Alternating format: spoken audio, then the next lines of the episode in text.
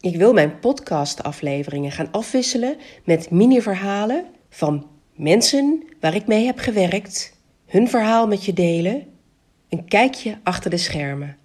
Waar loop ik zoal tegenaan? Wat kom ik tegen in de praktijk? En vandaag het eerste verhaal. Ik weiger te vechten met de vader van mijn kinderen. Dat heb ik besloten en dat zal ik nastreven. Ik sluit net een traject af met Anneke.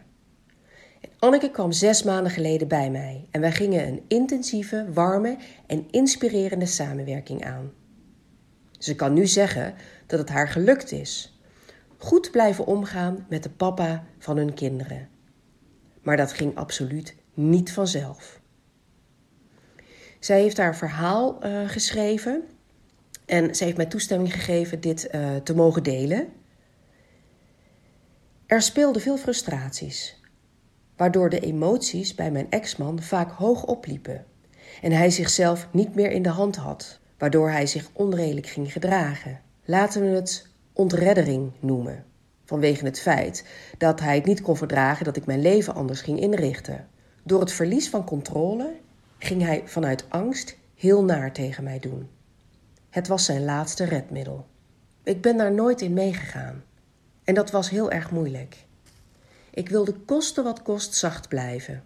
Ik wilde trouw blijven aan wie ik ben en wat ik met mezelf had afgesproken. Ik weiger te vechten met de vader van mijn kinderen. Ik kijk terug en realiseer me hoe ver ik van mezelf afstond gedurende de twaalf jaar relatie. Hoe ik het zover heb laten komen, begint steeds duidelijker te worden. Aanpassen was één van mijn sterke eigenschappen. Ik heb me, omwille van een ideaal plaatje dat ik zelf voor ogen hield, vaak ingehouden en ging confrontaties uit de weg. Michel is een echte ondernemerszoon. In zijn familie draaide alles om werk. Andere onderwerpen van gesprek bestonden bijna niet. Michel is heel betrouwbaar en sympathiek, maar totaal geen open boek. Dit is een contrast met mij, wie ik werkelijk ben. Hij had echt wel oog voor me. Bij de geboorte van de kinderen ontving ik een mooie ring en een prachtige fotocollage. Heel lief deze manier van liefde uiten. Ik vind het dan ook keihard te zeggen dat dit niet genoeg voor me was. Ik wilde diepgang en daar hunkerde ik naar. Er was geen passie meer. En in beginsel accepteerde ik dat. Dat we geen seks hadden, ook. In de begintijd van onze relatie uiteraard wel. Maar in de loop van de jaren werd dat steeds minder en minder, tot de intimiteit helemaal verdwenen was. Ik kreeg het er erg moeilijk mee. Ik begon mijn verlangens toe te laten. Ik wilde niet langer meer mijn gevoelens wegslikken en mijn ware behoeftes aan de kant schuiven. Ik ging me richten op zelfontplooiing, groei en stippelde een pad uit waarbij ik weer ruimte creëerde voor waar ik voor sta. Dit maakte mij sterker en ik ging weer zien wie ik werkelijk was en vooral wie ik ben zonder Michel. Tijdens een inspiratieweekend kreeg ik aandacht van een man. Dat was het moment dat ik me besefte weer vrouw te voelen. Dat weekend ontdekte ik weer passie in het leven. Ik werd wakker. Hij beet zich vast in zijn werk en ik groeide door. De kloof tussen ons werd steeds dieper. We spraken steeds vaker uit dat we het niet meer zagen zitten. Ik voelde me ten diepste ongelukkig. Net als meerdere mensen zochten we een uitvlucht om de werkelijkheid onder ogen te hoeven komen. Wij kochten een nieuw huis en gingen verhuizen. Ja, echt. We waren de eerste tijd gelukkig. Na een jaar werd het toch weer pijnlijk duidelijk dat de basis niet klopte tussen Michel en mij. Ook een prachtig huis kon daar niet tegenop. De confrontatie was enorm te ontdekken dat ik nooit zou vinden in deze relatie waar ik zo naar op zoek was.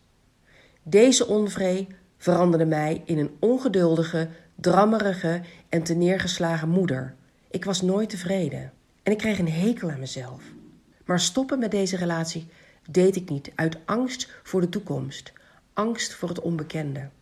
Ik zocht hulp en door mijn verhaal te vertellen lukte het me helder naar de situatie te kijken. Hiermee werd het glashelder. Dit had geen enkele kans van slagen meer. Ik kon niet meer. Ik wilde scheiden. Dit inzicht klaarde meteen de lucht. Er viel een last van mijn schouder. Nu wist ik dat dit de juiste beslissing was.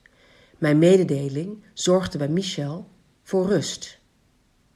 Hij was opgelucht dat de kogel door de kerk was.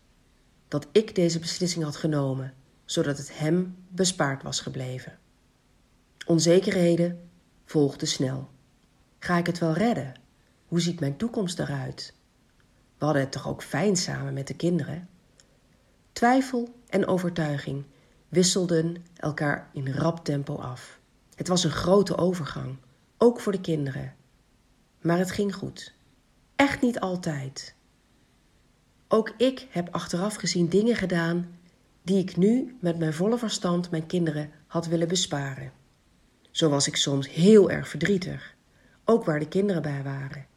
En vooral als het moment dat de kinderen naar mijn ex gingen aanbrak. We zijn op de goede weg en de nieuwe situatie, de nieuwe vorm, begint te wennen voor ons allen. Ik ben dankbaar en trots dat het me is gelukt vast te houden aan mijn besluit en nooit in gevecht te gaan met de vader van onze kinderen. Het is fijn om een proces te horen van een ander. Wat is jouw verhaal? Was jij de beslisser of werd je geconfronteerd? Werd je gezien als dader of misschien als slachtoffer? Het zijn een paar kreten die ik veel tegenkom. Niet letterlijk. Zo wordt het gevoeld. Wat was jouw grootste uitdaging in jouw proces? Was het de angst voor de toekomst? Financiële afhandeling, de kinderen, de communicatie met je ex? Of misschien was het wel totale onbegrip uit je omgeving? Hoe zou het voelen als jij ongeremd je verhaal kwijt kan?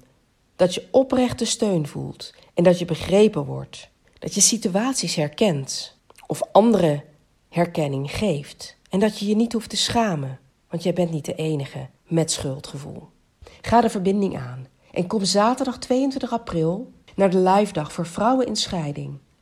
Zit je nog midden in het proces of breng je er misschien al langer uit? Sluit je aan, stuur me een mail of privébericht via Instagram of Facebook.